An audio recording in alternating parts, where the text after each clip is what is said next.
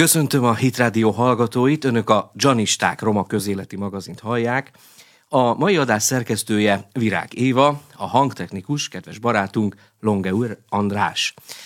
Mai műsorunk témáját a nemrégiben lezajlott eukarisztikus kongresszus ihlette, és azon belül is azok a programok, események, amelyek a roma közösségeket érintették. Említhetném itt elsősorban a megzenésített roma misét, illetve a romák felajánlását a Szűz Máriának, ami egyébként nem először történt meg, hiszen Mária Pocson és egyéb zarándok helyeken időről időre megteszik ezt a egyház előjárói. Kedves hallgatók, a Janisták vendége dr. Kulcsár Árpád, történész, a Szentpál Akadémia tanára, akit eh, őszintén sok szeretettel és tisztelettel köszöntünk a köreinkben, a stúdióban. Nagyon köszönöm a lehetőséget, és én is köszöntöm a kedves hallgatókat. A beszélgetésünket élőben közvetítjük a Hídgyülekezete Országos Roma Missziójának a Facebook csoportjában. Őket külön köszöntjük, és várjuk a kérdéseket is, ahogy ezt már előre jeleztük.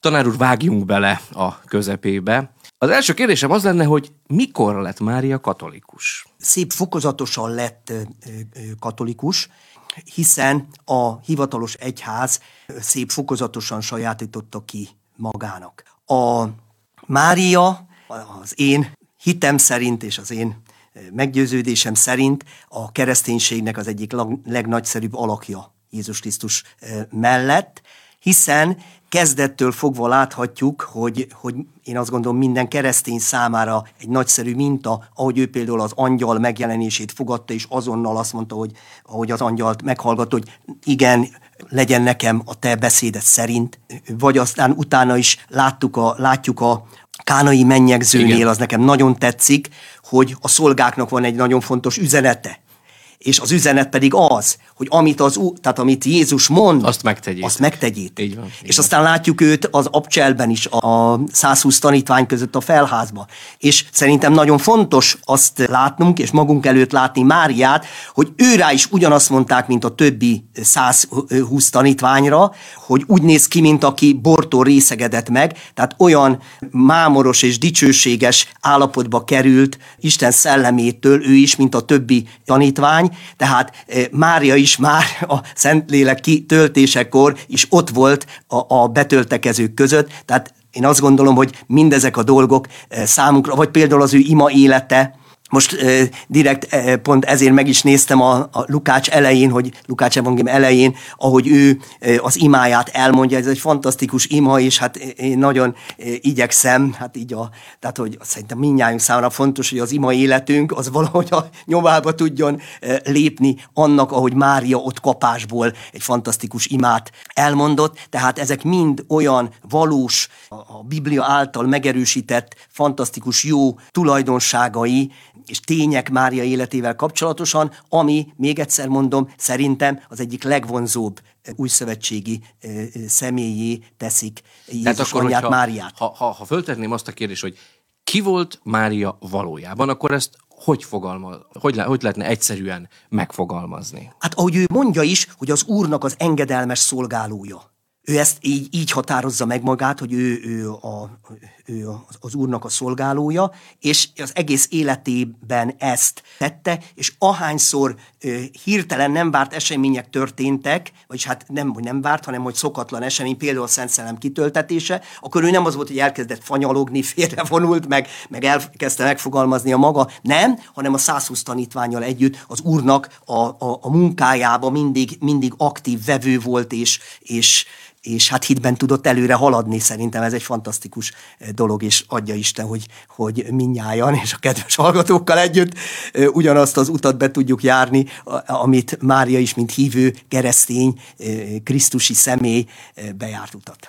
De egyébként ő föl volt ruházva különleges tehetséggel, különleges adományai, karizmái voltak a Biblia szerint Máriának? Különösebb ilyen tulajdonságokról nem olvas, tehát arról nem olvas olvasunk, hogy vagy külön eljárásban lett volna része Máriának. Szerintem talán a kiválasztás is, azért, de ez, ez csak egy föltételezés, tehát, hogy ez, ez az engedelmesség. Tehát, hogy, hogy, hogy az urat nagyon szerette, hogy, hogy, hogy az úr munkáját rendkívül fontosnak tartotta. Tehát szerintem ezek is Mária, Máriának nagyszerű tulajdonságai. Na most, hogy ehhez ki, ja, és hogy ez zsidó asszony volt. Így van, így van. Na most ehhez képest, amit évszázadok során gyártottak belőle, az viszont ö, nem csak egyszerűen arról van szó, hogy a az a Madonna, vagy az, az a úgynevezett Mária, akinek például ezek a felajánlások történnek, ez nem arról van szó, hogy, hogy a bibliai Máriának valami, valami kultusza, mert sajnos nem az, hanem arról van szó, hogy itt a bibliai Máriától szögesen eltérő személy van, ez, tehát egy ellenevangéliumról van szó, tehát Jézus Krisztusnak van egy nagyszerű evangéliuma, és látjuk ebben az evangéliumban, hogy Jézus Krisztus személye micsoda nagyszerű, és akkor vele szembe van állítva egy, egy, egy női személy, akire rá van akasztva a Mária név, de lehet látni, hogy ő teljesen más, tehát köze nincs a bibliai Máriához, ha csak nem a neve. Tehát ennyi. Van. Tehát a hallgató kedvéért azt bátran kimerjük jelenteni, leszögezhetjük, hogy egy másik személyről Egy teljesen beszélünk, másik személyről van szó. Akinek, a, tehát most ugye megismétlem, hogy az elmúlt fölajánlották a magyar romaságot, az egész magyar roma társadalmat ennek a másik személynek. Tehát itt a másikról van szó. Most természetesen, akinek ez a másik szimpatikus, én nem akarok ővele vitatkozni, csak azt nagyon fontos látni, hogy az nem a bibliai Mária, hanem olyan tulajdonságokkal rendelkezik, ami a Biblia Máriával szöges ellentétben áll, tehát a Biblia cáfolja, hogy ilyen tulajdonságai, mint ennek én csak egyszerűen Madonnának hívom, mint a, Madonnának, amilyen tulajdonságai vannak, azok nincsenek meg a bibliai Máriának. Ráadásul a Madonnának olyan tulajdonságai vannak, ami Jézus egyedülvalóságát, Jézus Krisztus egyedülvalóságát durván megkérdőjelezi, durván sérti. És hát ezekkel szerintem, szerintem fontos tisztába lenni, és az egyik ilyen, hogy Jézus Krisztus miért tudott bennünket megváltani. Azért tudott bennünket megváltani, mert a, a Golgotai kereszten kifolyt vére hibátlan volt, szeplőtlen volt. Vérontás nélkül nincs bűnbocsánat. bűnbocsánat. Tehát mi számunkra nem tudta volna megszerezni, ha a vére nem hibátlan, azaz nem bűntől mentes. Na most ehhez mi kellett, hogy ő bűn nélkül az Ádám Éva által ránk örökített eredendő bűn nélkül foganjon. És Jézus Krisztus így fogant a bibliai Máriának a méhében. Tehát a Jézus Krisztus apja pedig nem József volt, hanem a mindenható. Ezt a zsidó Igen. levélből tudjuk. Na most itt van az első nagy probléma, hogy bizonyára a kedves hallgatók is közül, közül is többen, mit tudom én, a Battyányi téri metróból, ha kijövünk, akkor balkész felé ott van egy nagy kéttornyú barok templom, a, a Szent Anna templom. Hogy ki a csuda ez a Szent Anna? és, és a Bibliában hiába keresünk, mert mert az Ószövetségben találunk ö, ö, Annát, Sámuel profétának az anyukáját, ő nagyszerű személy szintén, de itt nem őról van szó, hanem Máriának, a bibliai Máriának egy elképzelt anyukájáról. Oh. És a Szent Anna azért kell ehhez a Madonnához, mert a Biblia nem beszél arról, hogy a bibliai Máriával megtörtént volna ugyanaz, mint ami Jézus Krisztussal megtörtént, hogy bűn nélkül fogant az ő anyukájának a méhében. Most a római katolikus verzió szerint Mária az ő anyukájának, és ugye nem említi a Biblia, tehát ki kellett valamit találni, akkor legyen Anna, a Szent Annának a méhében bűn nélkül fogant, ebből mi következik, hogy Krisztus egyedül valóságának itt vége van, mert ez szerint ez a Madonna, mert én csak Madonnának tudom hívni, tehát ez a Mária, ez a Madonna, ez ugyanolyan tulajdonsággal rendelkezik, azaz ő is bűn nélkül fogant, azaz ő rá se hatott volna el az Igen. eredendő bűn, azaz ebből mi következik, hogy ő is alkalmas az emberiség megváltására, ezért a római katolikus tradícióban őt társ megváltónak hívják ezt a Madonnát. Na most itt látszik, hogy ez Krisztus ellen van, tehát vallási szakszóval élve antikrisztusi. Igen. Tehát ez a tanítás Bocsánat, már az hogy... első lépés antikrisztus. Bocsánat, hogy közbevágok. Ugye említetted a társ megváltó szót. Egyébként sok komment érkezett ezzel kapcsolatban, ami sok újra született keresztényt felháborított, hogy hogy lehet Mária társ megváltó. De nem csak ilyen nevei vannak a Madonnának, hanem, hanem nagyon, most nincs nálam a lista, amit kigyűjtöttem, de ami például most eszembe jut, hogy hamvazó, kisboldogasszony, nagyboldogasszony, ez egy Vatikán, terület. Vatikán úrnője, és sorolhatni például, nem tudom, hogy hogy aggatták azt a nevet rá, hogy Ekeoltó, jól mondom, tanár úr? Eketiltó. Eketiltó. Igen. Tehát számtalan ilyen elnevezés van, és igazából visszatérve a társmegváltóra, ezt kezdted el mondani, Igen. hogy ez egy antikrisztusi állítás. Hát ugye még egyszer, ugye az anti annyit jelent, hogy, hogy valami ellenes. ellen, vagy Igen. valami mellé. Itt látjuk, hogy Jézus Krisztus mellé oda tesznek egy olyan szemét, aki nem a bibliai Mária, mert a Biblia semmiet nem mond, hanem egy kitaláció van, ami végül is beletorkolik oda, hogy Jézus Krisztus egyedül valósága helyett most már két megváltásra alkalmas személy is van, tehát ez szerintem nagyon-nagyon sérti, ez az úgynevezett szeplőtlen fogantatás. Most ez annyi, tehát hogy itt, itt mert Jézus Mária méhében bűn nélkül fogant, ezért tudott bennünket megváltani, mert a hibátlan vére folyt ki a Golgotai kereszten. Mária, a Madonna viszont a Szent Anna méhében nem fogant szeplőtlenül, ezért a, ez a Madonna, akire Mária nevet aggatják, ez nem társ megváltó, ez nem tud megváltani ö, ö, ö, senkit se, tehát kár ezzel ö, ö, kísérletezni, de a, ennek a Madonnának a története folytatódik tovább, mert az ő anyukáját, tehát hogy mondjam, tehát Máriát, őt Isten anyának is nevezik, uh-huh. és itt vagy kapcsolódom ahhoz, csak ugye sok mindenről kellene Igen. szólni, kapcsolódom ahhoz, hogy, hogy, hogy sajnálatos módon nem csak egy a bibliai Máriával ellentétes és Jézus Krisztus személyét durván sértő tulajdonságok vannak itt, hanem pogány, női, szellemi lényeknek az alapvető tulajdonságaival is ezt a Madonnát kezdték felruházni.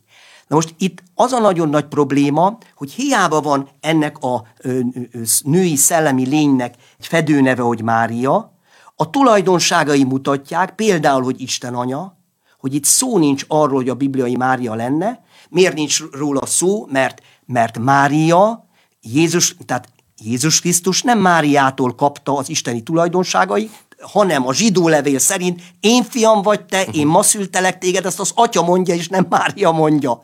Mert az isteni természetét az atyától kapta és az emberi természetét pedig Máriától, tehát Jézus Krisztus egyszerre Isten és ember. A Madonnáról viszont, arról a Máriáról mit állítanak, hogy ő Isten anya, Isten szülő.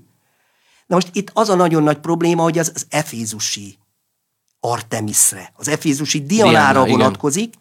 tehát az embereket, és engem igazából ez zavar nagyon, hogy a jó szándékú embereket, akik készek a bibliai Máriát, tehát Máriát tisztelni, egy iszonyú félrevezetést kell elszenvedniük, mert nekik azt mondják, hogy ti Máriát tisztelitek, de igazából a Mária fedőnév alatt ott van egy Isten anya, ott van egy Isten szülő. És ebből ráadásul 431-ben pont Efézusban dogmát is csináltak, tehát megkérdőjelezhetetlen római katolikus hitigasságot, és amit kérdeztél, hogy hogyan lesz katolikussá a bibliai Mária, hát ez egy nagyon fontos lépés, mert a Máriára rátették a efézusi Artemisnek a, a kulcsfontosságú tulajdonságát. Na most miért miért ö, fontos az, hogy mi ne vegyünk részt ö, régi pogány istennőknek a kultuszában.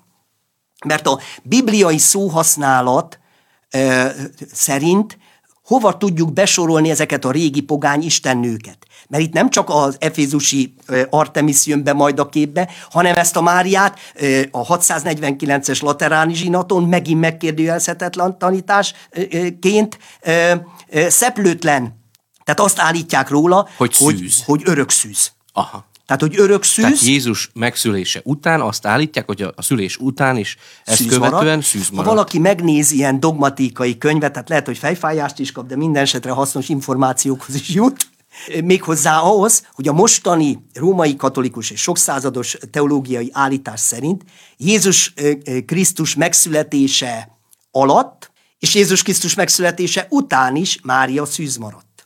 Tehát ezért örök szűz. Na most teljesen világos, hogyha, és a, a Márk evangélium és a Máté evangélium nekünk felsorolja név szerint, Jézus hogy kik, a, így van Jézusnak a testvérei.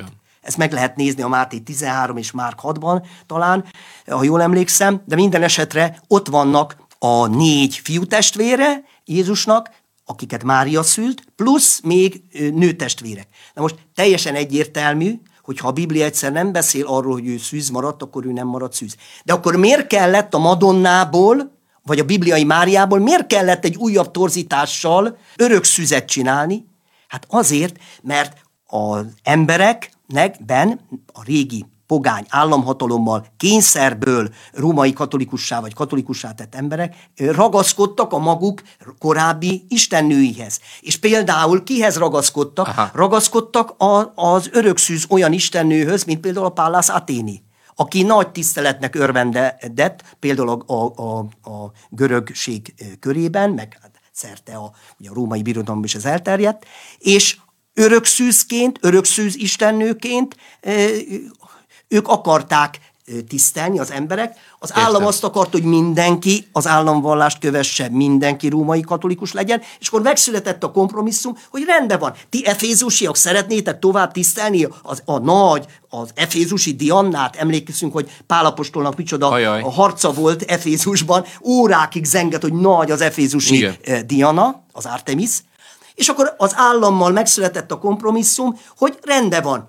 Jól van, akkor legyen Isten, ti Isten anyát tiszteltek ott Efézusban, meg szerte a birodalomban, akik szeretik az Isten anyát, az Isten szülőt. Rendben van, mi meg rá fogjuk akasztani Máriára azt a tulajdonságot, hogy, hogy ő igen. Isten anyja. Tehát kiszolgálták Így gyakorlatilag Szeretnétek a nép azt, hogy, hogy a, az örökszűzet, a Pallas például, meg más örökszűz istenők is voltak, ezeket szeretnétek tovább szolgálni. Hát akkor tessék, itt van, hm. Máriára ráakasztjuk ezt, hogy örökszűz. Na most, hogy hogy lehet valaki egyszerre Isten anya, Isten szülő, meg örökszűz is. Szóval ez is egy, egy érdekes dolog, hogy most örökszűz vagy, vagy gyereke születik, tehát ez, ez egy külön ö, dolog. És ez már lejátszódik, ugye a 431 már Isten anya, 649 akkor már örökszűz, és hogy jönnek ide a magyarok és más pogány népek, lengyelek és mindenki mások?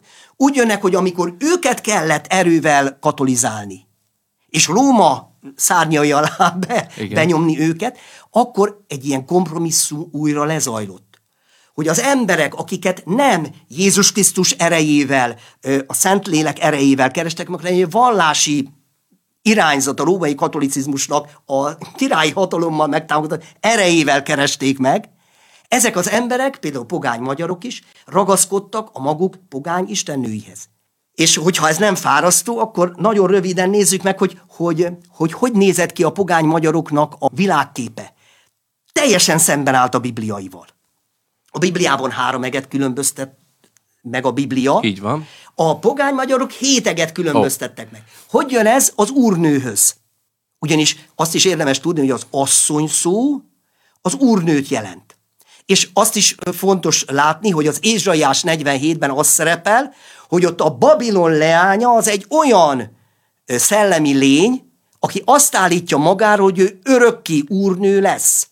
Na most ahova ki fogok lyukadni, az az, hogy amikor például augusztus 20-a tájékán fölajánlja például az Esztergomi érsek a romasággal együtt az egész Magyarországot, föl, fölajánlja a nagyboldogasszonynak, akkor a hét ég egy, nem egyikében, hanem a hét ég legtetején a hetedik, a legmagasabb égben ülő úrnőt, azaz hm. asszonyt, ő a nagy boldogasszony, Aha. a pogány magyar hitvilágnak a kiemelkedő személyisége, az öreg Isten mellett, mert ugye az meg az ő férfi társa, mindegy, tehát a nagy boldogasszony, ez egy pogány istennő, több mint 300 templomot tartanak nyilván nagy boldogasszonynak fölajánlva, nagy boldogasszony védelme alá helyezve, nagy boldogasszony plébánia, uh-huh. több mint 300 van a Kárpát-medencében a, katolikus lexikon szerint. Tehát ennek a törölmetszett pogány magyar úrnőnek van fölajánlva évente rendszeresen az ország. Na most ki volt ez? Ő egy Isten anya volt, ő Isten szülő volt a nagy boldogasszony, a pogány ö, ö, hát hitvilág szerint. Uh-huh. Miért volt Isten szülő? Mert neki volt egy lánya. Hogy hívták a leánykáját? Kisboldogasszony. Aha. Kisboldogasszonynak 239, ezt megnéztem direkt a római katolikus lexikon, 239 templom van a Kárpát-medencébe felajánlva, 239, egyházközség van, de hát milyen egyházközség, ami egy pogány istennőnek van fölajánlva? Kis boldogasszony. Tehát megvan teljesen az eredeti pogány képlet, ami megvolt Efézusban, Aténben, hogy megvan az Istenszülő, megvan az örökszűz, a magyaroknál is megvolt az Isten anya, a nagy boldogasszony, ő az Isten szülő, mert ő szülte a kis boldogasszony.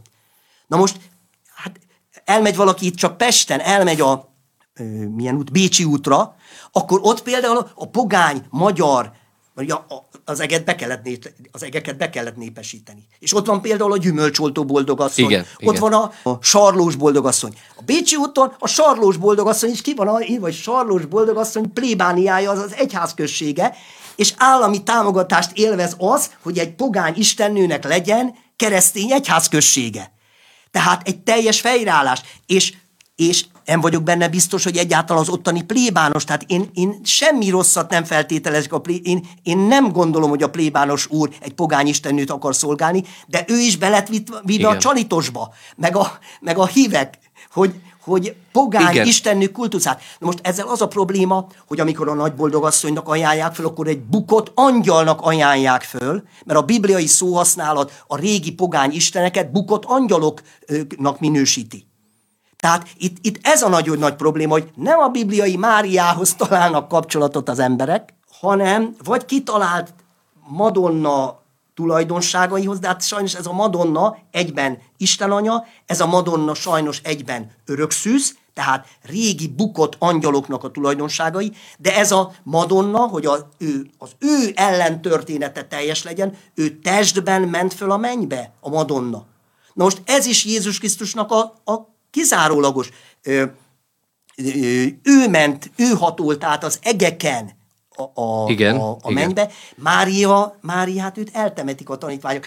Most megnéztem, van nagyon sok festmény, van, ami ezt állítja, hogy Mária mennybe menetele, és nagyon sok templom van, ami Mária mennybe menetele tiszteletére van, van e, e, szentelve. Most megnéztem például Velencében is van egy ilyen nagyon híres festmény a, a, a Tiziánónak, még az 1500-as években készült festmény. Ott a 11 tanítvány csak néz, hogy hogy mit csinál, mit csinál a, a, a Mária, mert ők is el vannak csodálkozva, hogy ez nem a Mária, aki a, aki a, aki a mennybe megy, és akkor ott ráadásul mi van csinálva Mária ezzel a Madonnával? Meg van koronázva. Hát az evangélium szerint csak Jézus Krisztus lett a mennybe menetel után megkoronázva minden dicsőséggel, minden tisztességgel, ki lehet keresni a Bibliából, és utána a Jézus Krisztusnak van országa, ő annak a királya, és akkor miről beszélnek? A Regnum Marianumról, a Mária országáról. Na most a Biblia két országot ismer, Jézus Krisztusnak, az atyának az országát, meg a sátán királyságát. Na most, ha a Biblia nem tud két országot, akkor, akkor körülbelül kitalálhatjuk, hogy a Madonna királysága, Mária Regnum, az, az vajon tartozik, melyikhez tartozik, de már nem akarok ennyire eh, direkt lenni. Tanár úr, nagyon izgalmas, amit mond, és egyszerre a hidegráz is attól, ezektől a tényektől, állításoktól, hogy tényleg, hogy félre... Nagy átvágás Nagy van. átvágás, így van, és és nagyon együtt tudok érezni azokkal, akik még nem, szerintem érdemes nem tudják eh, ezt, a, ezt az igazságot. Maradjanak velünk, nem sokára jövünk vissza a zene után. Folytatjuk a beszélgetést Kulcsár Árpád történésszel. Érkeztek hallgatói kérdések, sokakat érdekel a beszélgetésünk, ez az egész téma. Föl is olvasnám akkor az elsőt. Így szól. Mennyire szolgáltatja ki a romákat e, átkoknak az, amikor nem az örökké valót hívják segítségül, hanem isteni szintre emelt, elköltözött szenteket? Hát sajnos az a baj, hogy ezek szellemi cselekedetek, és sajnos erre törvény van hogy harmad, negyed iziglen. Sajnos ez átokkal jár.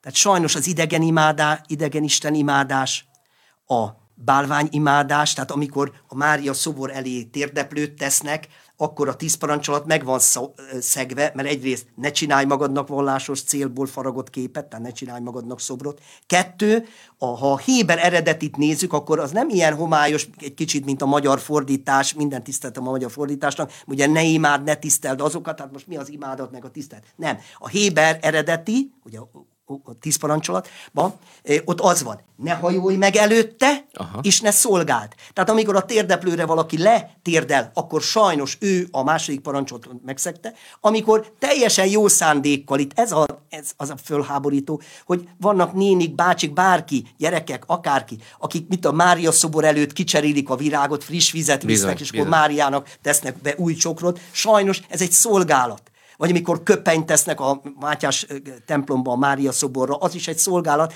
Tehát ez sajnálatos módon, ez mind bálványimádás. Vagy amikor a szobrát a vállukon ide-oda viszik. Igen, e, egyébként, tehát ez átkot hoz. Igen, így van, köszönjük a választ. Egyébként az jár a fejemben, hogy ha valaki elment például egy ilyen rendezvényre, és nem vett úgy részt benne komolyan. Tehát lehet, hogy nem is szívből, lélekből mondta azt az imát, vagy ammenezet, vagy egyszerűen csak ott volt. Mennyire veszélyes tér egy ilyen spirituális ö, alkalom? Hát szerintem nagyon veszélyes, de a, szerintem a jó üzenet az, hogy az Úr nagyon jó. Tehát ő rendkívül jó. És van ígéretünk, mert a hit szerintem az, hogy a Bibliában kijelentett, Isten szellem által kijelentett ígéreteket megragadjuk. És ő például azt mondja, Isten azt mondja nekünk, hogy a tudatlanság idejét elnézi. Tehát én is voltam római katolikus misén, és Nagyon sok, sok mindent, van. de most ez nem, nem érdekes annyira, tehát mert az emberek meg vannak vezetve és még akik megvezetik, én még őróluk is jó szándékkal vagyok, mert ők se tudják. Tehát nagyon sokan jó szándékből, lelkesedésből csinálják ezt, vallásos lelkesedésből, és nem tudják. Mert ugye az igében is az, vagy vitettünk néma bálványok így elé. Van, Tehát, hogy valami erő odavitt bennünket. De ő, az Úr, a tudatlanság idejét elnézi. Tehát amikor valaki, és most akkor mondhatja valaki, hogy akkor jól kiszúrtam az emberekkel, mert most már tudják, hogy ha ilyen szobor, szobor elé letérdelnek, vagy virágot kicserék, stb de szerintem a tudatlanság idejét elnézi az Így Úr, van. és hát jó ettől mennél hamarébb, de szerintem az Úr annyira jó, hogy leszedi rólunk a koszt. Azt mondja, Igen. Jézus vére megtisztít bennünket minden tisztátalanságtól, vallásos tisztátalanságtól, és szerintem érdemes a Golgotai kereszten kifolyt vérbe, mert az most is él, az most is beszél. A Biblia azt mondja, jobbat beszél, mint az Ábel vér, mert kegyelemért kiáll. Tehát érdemes prédikációkat, és a gyülekezetben német Sándornak fantasztikus jó prédikációi vannak, hogy Jézus vére például milyen fantasztikus tulajdonságokkal rendelkezik, hogy mennyire meg tud bennünket tisztítani, és érdemes Jézushoz menni hittel. És előbb idéztél a, a tíz parancsolatból, hogy ugyan harmad és negyed íziglen átok alá kerül az az ember, aki ilyen jó részét viszont mondta. De viszont a jó hír az, hogy ezer íziglen irgalmas az Úr azokhoz, akik őt szeretik, Így és az van. ő a törvényeit megtartják. Úgyhogy valóban erre csak tényleg azt lehet mondani, hogy nagyon jó az úr. És de igen, mondja tovább. Megengeded, Én akkor felolvasom a második kérdést. Így szól. Magyarországon és más európai országokban is vannak települések, amelyek a Mária jelenésekről híresültek el. Tanár úr szerint hogyan lehet ezeket a jelenségeket értelmezni? A válaszát köszönöm. Mi a véleményed ezekről a jelenésekről? Én el tudom képzelni, hogy ez, ezek között esetleg vannak ö, ö, hamis dolgok, mert időnként különböző bucsújáróhelyek le is buktak, hogy, hogy emberi manipuláció volt, de ezek le is buknak. A, a vérzős, a vérzős szoborra hát gondolsz, hát, amikor ilyen, meg valaki sok, pumpálta a művért igen, a szoborból igen, igen, igen, igen, meg, meg több minden más, Aha. de sajnos én ennél, ennél komolyabbnak tartom a helyzetet. Miért? Mert a, a Biblia arról beszél, hogy van Isten országának a szellemi lényei, és akkor ott vannak a, a, a főangyalok, angyalok, mindenféle nagyszerű szellemi lények, akik szeretnek bennünket, akik segítenek bennünket, és a mi dolgunk az, hogy ezt hagyjuk. De a Biblia nagyon határozottan beszél arról, hogy van egy ellenvilág és sajnos, hát az is egy, az egy természet, az is tele van természet fölötti lényekkel. Az Úr nagyobb, Isten angyalai nagyobbak, de sajnos az embereknél viszont nagyobbak ezek a szellemi lények. Az Úr segítsége, meg a, tehát az ő támogatása nélkül mi szerintem nem, tudunk, eh, nem tudnánk megállni ezekkel szembe. Tehát ezek a lények sajnálatos módon, én el tudom képzelni, hogy tudnak produkálni eh, vizuális csalásokat, hallás szerinti csalásokat. Akár gyógyulásokat is? És sajnos gyógyulásokat is. Hát hadd hozzam párhuzamként, hogy én aztán egyáltalán nem csípem a, az afrikai vudu varázslókat. De az én információim szerint Igen. nyilvánvalóan Istennel szemben álló Jézus Krisztussal szemben álló, a bibliai hittel szemben álló afrikai varázslók bizony tudnak gyógyulásokat produkálni. És én már hallottam logikai levezetését is annak, hogy ha valaki idegen istenektől kap gyógyulást, akkor lehet, hogy, hogy egy pici, vagy egy akármilyen beteg meggyógyul, de hát az élete az zuhan be a, a, a, a pokolba. Tehát Aha. az ördögnek megéri egy kis, egy kis hogy hívják ott, koncot dobni a, az illetőnek, hogy még jobban oda láncolja maga mellé. És a végén pedig behagyja a És a végén pedig a szemét dombra dobja. Tehát sajnálatos módon azt kell mondjam, hogy a római katolicizmuson keresztül a sötétség nagyon sok természet fölötti élményt tartogat. Nem véletlen, hogy 1 milliárd 200 millió ember körülbelül ennyit tartanak ők nyilván. Ennyi valamilyen módon kapcsolódik ez az irányzatot, ez észszel, meg ilyennel természetes szinten szerintem Igen. nem menne.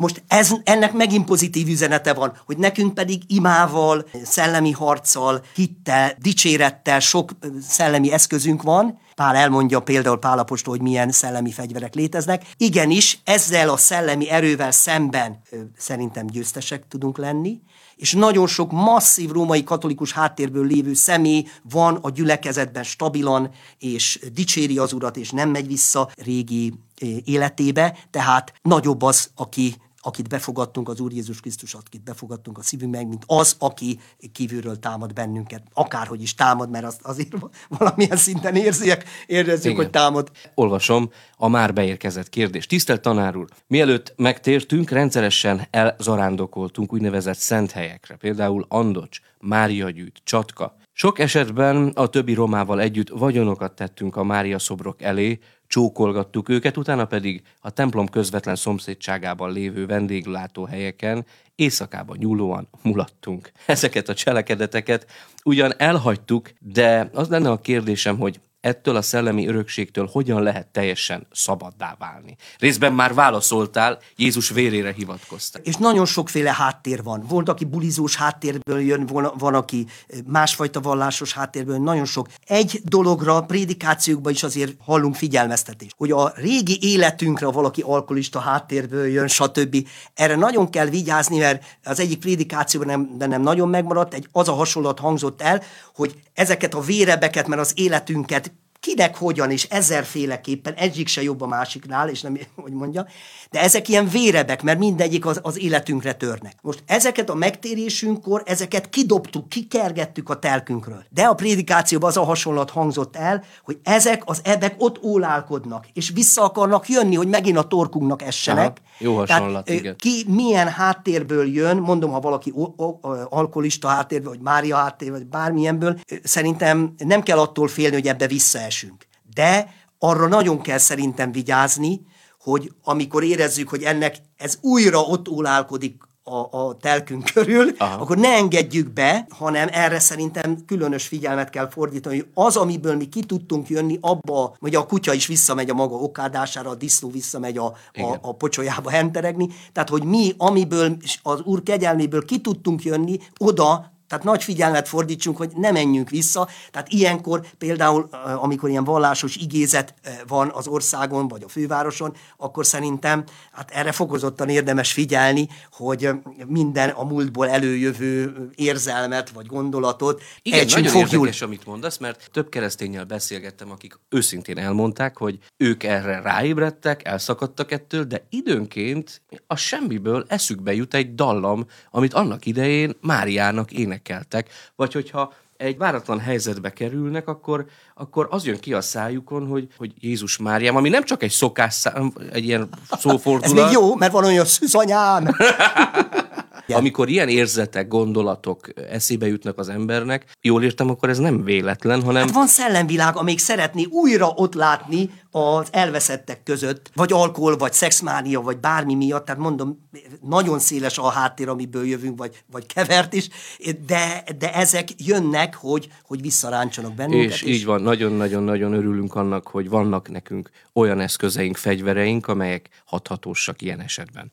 Jött egy újabb kérdés, így szól. A Szűz Mária a jelenések könyvében szereplő Jézabelnek felelhet meg? Az a jó, hogy a Hit Rádióban van lelkész válaszol, tehát hadd kérjem meg meg, és akkor én is csatlakozom, az aláíró ott lesz Kulcsár Árpád, és én is ezt csatlakozom a kérd. Tehát, hogy ez egy jó, nagyon jó kérdés, nem merek igen. erre válaszolni. De, de idézted Mondom, már a, az Ésaiás könyvében. Igen, ott a, arra azért, azért mertem utalni, mert ott egyértelmű, hogy a Babilon leányáról beszél Ézsaiás, és azt mondja, hogy ez a Babilon leánya, hogy örökre úrnő leszek. És amikor például Párizsban, ahol Napóleon megkoronázták, stb., a Notre Dame, uh-huh. lefordítjuk, az annyit jelent, hogy, hogy úrnőnk, a magyar asszonyt, nagyboldog asszonyt lefordítjuk, az asszony szó, iráni jövevény szó, annyit jelent, hogy úrnő. Tehát ez a szellemi lény, a Babilon leánya, az biztos elmondhatja, hogy ő rá érvényes ez, hogy, hogy még most is úrnő, nagyon sokan úrnőnek tekintik. Mert sajnos a kisboldog asszony, ő is szóba került, ő is úrnő. Tehát, hogy a magyarok sajnos egy, egy úrnőnek, és akkor az lehet, hogy Babilon leánya, de mondom, ez is a lelkész válaszolhoz tartozik, tehát nekem ez csak egy szerény fölvetésem, amit bármelyik hívő szerintem megtehet, tehát ez csak egy kérdőjelles fölvetés. Egy személyes történet annyi, hogy a nagymamám mélyen katolikus volt, úgy kell elképzelni, hogy a kis családi háza mellett. Nagy, hát ugye maga környezetében egész monumentális kis kápolnákat hozott létre, hatalmas szűzanyaszobrok, ilyen szobor, olyan szobor, és én megtértem, és elmentem hozzá bizonyságot tenni, és gyakorlatilag jól sikerült a, a találkozó, mert a végén ő hajlandó volt befogadni az urat és elmondani a megtérők imáját. Igen ám, de a távozásom után volt egy állandó díszlet az udvarban, a kápolnák mellett, ilyen karácsonyfa izzók díszítették a, az udvart. Tehát a romáknál ez a gics, ez a fény, ez, ez úgy mindig előszeretettel van használva. És amikor elmentem, tehát ő elmondta a megtérésnek az imáját, én elmentem, zárlatot kapott az izzó és ennek következtében leégett a kápolna. Na most én szinte kilettem átkozva a családból ez miatt, mert én elpusztítottam a bálvány szobrait. Szóval tehát neked nem kellett csákányal menni meg izéval, erővel, hanem a, az Isten beszéde be olyan erő van, teljesen el tudom képzelni, hogy ott ez rövid zárlatot okozott. A, a, Igen. Teljesen el tudom képzelni. Igen, de Óriási. hát nem mindenki ilyen szerencsés, hogy tűzszáll le a mennyből a, a, a, a beszédére. Nagyon sokunknak tenni kell, és el kell határolódnunk, ugye? Ettől tanár úr jól gondolom, határozottan ez a megtérés. Én is tudnék sztorikat mondani, mert az én, most nem akarok veled versengeni, de hogy az én nagymamám volt a nagyobb bálványimádó, vagy a tiéd, ugye most nem, nem akarok versenyekelni, és azért, azért én nagyon örülök annak, hogy, hogy az Úr nagyobb. Tehát, hogy meg tud bennünket őrizni, hogyha mi nem fordítunk hátat, nagyon jó. Tehát ez, én nagy reménységgel vagyok, hogy azok az átkok, amit tudatlanság, és ezt nagyon fontos látni, hogy, hogy nagyon sok ember tudatlanságból szedte, jó szándékkal szedte, jót akart. Így szedte össze az átkot, és hála Istennek, hogyha mi, mi igyekszünk hitbe lenni, akkor, akkor bizom benne, hogy ezek az átkok meg fognak törni. Véleményed szerint miért utálatos Isten előtt a bálványimádás? Miért ö, szankcionálja nagyon komolyan? Ugye sokan egyértelmű, tehát tagadhatatlan, és nem is tagadják nagyon sokan, hogy leborulnak a Mária szobor előtt, csókolgatják, stb. stb. Miért sérti Istent ez a bűn ennyire? Hát itt megint a, a lelkész válaszolhoz lehetne. Ugye hallottam egy nagyon, nagyon jó magyarázatot, Ruf Tibortól egyébként, hogy a büntetés a Bibliában az mindig teljes arányban áll azzal, amit az a cselekedet okoz. Na most, hogyha a bálványimádás az halálos bűn, akkor valószínűleg azért halálos bűn, mert, mert az embereket, az embereket elviszi Istennek az uralma alól, és az ember gyilkosnak az uralma alá viszi be. Tehát, hogy sajnálatos módon olyan cselekedet, ami a pusztító előtt nyitja Igen. meg a igen. És azt tapasztaljuk, ö, meg azt halljuk, hogy, hogy olyan nagy kárt okoz a szellemében, ugye, az embernek, hogy azt a képességét, ami arra adatot, hogy kapcsolatba kerüljön az élő Istennel, aki szellem, azt annyira lebutítja, annyira eltompítja, hogy egyszerűen ellehetetleníti ezt, és annyira megkeményednek, ugye? Hát a, a, a, az eredmény az mindenképpen ez. Igen. Most itt is az a jó, hogy bálványimád, tehát Pálapostól is, és minden többségében bálványimádókhoz ment, és érdemes azt látni, hogy, hogy milyen nagyszerű gyülekezetek jöttek létre bálványimádó emberek, háttérből jövő emberekből. Nagyon népszerű vagy a, a Szent Pál Akadémián, a diákjait, hallgatóit között. Mindig izgalmas, hogy Mindent úgy kapunk, hogy ez, ez nem álszerénység, hanem mi, mindenki tudja, hogy ami jó van bennünk, azt úgy kaptuk. Tehát szerintem ezért mindenkibe van jó, és ezért hálával tartozunk, tehát nagyon örülök ennek.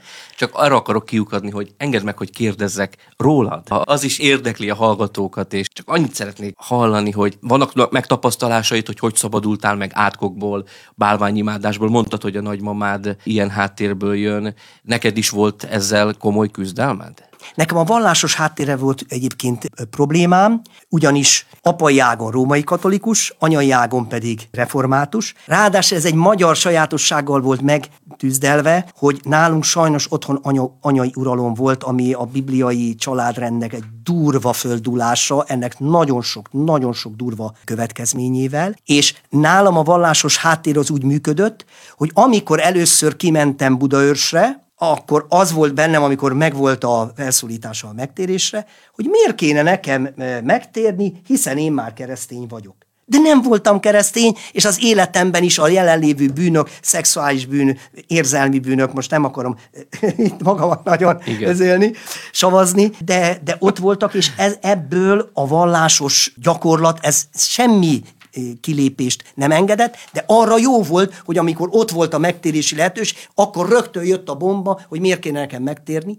Ugyanez volt vízkeresztségnél is, hogy miért kéne nekem megkeresztelkedni, hiszen már engem megkereszteltek, de hát az hit nélkül volt csecsemőkoromban, tehát az is egy, egy vallásos ö, ö, ö, zátony volt, tehát nálam így volt, és olyan jó volt az úr, hogy küldött hozzám olyan embereket, akik hittel tudtak nekem beszélni, és nagyon hálás vagyok, vagyok, vagyok nekik, hogy ezeket a vallásos háttérből jövő óriási akadályokat, ők a kedves, mosolygós, meg neve, nevetős, tehát nagyon jó kedvű, nagyon igazi öröm jött például, aki, akinek elsősorban köszönhetem a megtérésemet. Ezek az általa mondott igék, hála Istennek ezeket a gátokat. Tehát én, én az igét itt a gyülekezetben rendkívül megszerettem, mert, mert a, az életemben óriási változásokat hozott. Például az, hogy ezeket a vallásos zátonyokról a, hajómat, a hajómat mehetett egy kicsit előrébb. Mit üzennél azoknak, akik fontolgatják a megtérést, is hallgatnak bennünket? Hát én azt, azt üzenem, hogy ha szeretne magának győztes életet, akkor válassza, hallgasson azokra, akik neki bizonyságot tettek. A prédikációkat, nagyon érdemes hallgatni a Vidám vasárnapos eh, prédikációkat, mert teljesen eh, eh, közérthetően van megfogalmazva. És az is nagyon fontos, hogy utána küzdelemből nem lesz hiány, de nagyszerű győzelem megből se lesz hiány, és például az, hogy, hogy valaki elmondhatja magáról, hogy, hogy tiszta vagyok. Tehát ez egy óriási élmény hogy nem egy, tehát amikor, amikor az ember egy magába van, és szembenéz, mondjuk én szembe tudtam nézni a vallásos énemmel, akkor én azt láttam, hogy nagyon bántóan piszkos vagyok, kifele igyekszik az ember, már aki én sajnos képmutató is voltam, kifele igyekeztem jó képet mutatni, és, és mintavallásos gyereket mutatni, de én tudtam legjobban, hogy a bűnök uralkodnak rajtam, amit szégyeltem, szexuális uh-huh. bűnök, stb. Nagyon szégyeltem, nem tudtam belőle kijönni, de ebből ki lehet jönni, és utána egy olyan élet, ami, tehát amikor érzed, hogy egy valóságos, nem látható erő, és nem csak erő, hanem személy be tud nyúlni az életedbe. Például meg tud vigasztalni konkrétan, amikor nagyon-nagyon meg eh, hát tiporgattak, és e, emlékszem, ott álltam villamos megállóba is, és, és azt kértem, hogy Szentlélek, vigasztalj meg. Hát őszintén elmondtam, hogy erre van, erre van szükségem, mert annyira felmosó rongyot csináltak belőlem, és akkor jött, hogy érzelmileg tehát azt, arra én nem voltam képes, tehát ez magamból nem jött volna. Vagy más is, amikor nagy szükség volt, és, és az ember kiállt, és akkor, akkor jön a megoldás, és tudom, hogy nem én csináltam, hanem, hanem ez, ez egy kérdés, kérésre adott válasz, mert érzi ezt az ember, és akkor, akkor meg lehet tapasztalni, hogy az Úr él, mert, mert valaki ezt meghallotta, és úgy adott választ, hogy az érezhető. És amikor ezt megtapasztalod, hogy ő porszem létedre ő odafigyel rád, sőt, megsegít, sőt, neki, szóval neki foglalkozik veled, és azt érzed, hogy, hogy jót akar neked, hogy szeret. Tehát ez egy olyan élmény, hogy napokig tudsz tőle röpülni, amikor egy-egy ilyen érintés jön. És ezt, ez semmi, se a jó Szabolcsi szilvapálinka, se a, a tokai asszú, semmi, ez, ez nem, ezt, ezt nem tudja nem tudja adni. Tehát a, a, az Úr fantasztikus, és ugye nagyon jó látni azokat a személyeket, akik, akik, akik már előttünk járnak, akik valahogy jobban ki tudták használni a lehetőségeket, amiket az Úr adott, hogy nekik milyen fantasztikus élményeik, szabadulásaik, és így tovább vannak, és akkor az ember a maga kicsiét is hát őrizgeti, mert az a kicsi is óriási. De azt látni, hogy óriási perspektíva van abban, hogy, hogy ha, ha, ha hit útján haladunk, akkor nagyon nagy pálya áll előttünk, és nagyszerű, valós személyekkel látjuk, hogy ha a hitet megragadja, a bibliai hitet megragadja, valaki, akkor óriási pálya van előtte győztes pálya. Nagyszerű, nagyszerű zárszók, ezek nagyszerű gondolatok. Nagyon értékes üzenetet mondtál el nekünk az elmúlt egy órában. Istennek. Nagyon hálásak vagyunk, a hallgatók nevében is köszönöm a jelenlétedet, hogy eljöttél. Kedves hallgatók, nagyon szépen köszönöm a figyelmeteket. Kulcsár Árpád történész volt a vendégem. Isten áldjon meg mindenkit, és hát mivel is fejezhetnénk be, csak egy buzdító igével, hogy azért jött az Istennek a fia, hogy megkeresse azt, ami elveszett, úgyhogy barátaim, maradjunk ezen az ösvényen, amiről beszéltünk, ez az igazi evangélium, és ez működik. És a romáknak úgy gondolom, hogy valóban, ahogy ti is írtátok nagyon sok kommentben, Jézus Krisztusra van szükség, mert egyetlen személyben ő van kijelölve, hogy üdvözítse az embereket, a népeket, így a romákat, romungrókat, beásokat, olácigányokat, magyarokat, svábokat, minden nemzetnek ő az egyedüli megváltója. Búcsúzik a Janisták stábja, a mai adás szerkesztője Virág Éva volt, hangtechnikusként közreműködött Longeuer András. Két hét múlva újra jelentkezünk itt a Hit Rádióban, Király Márk műsorvezetőt hallották, viszont hallásra.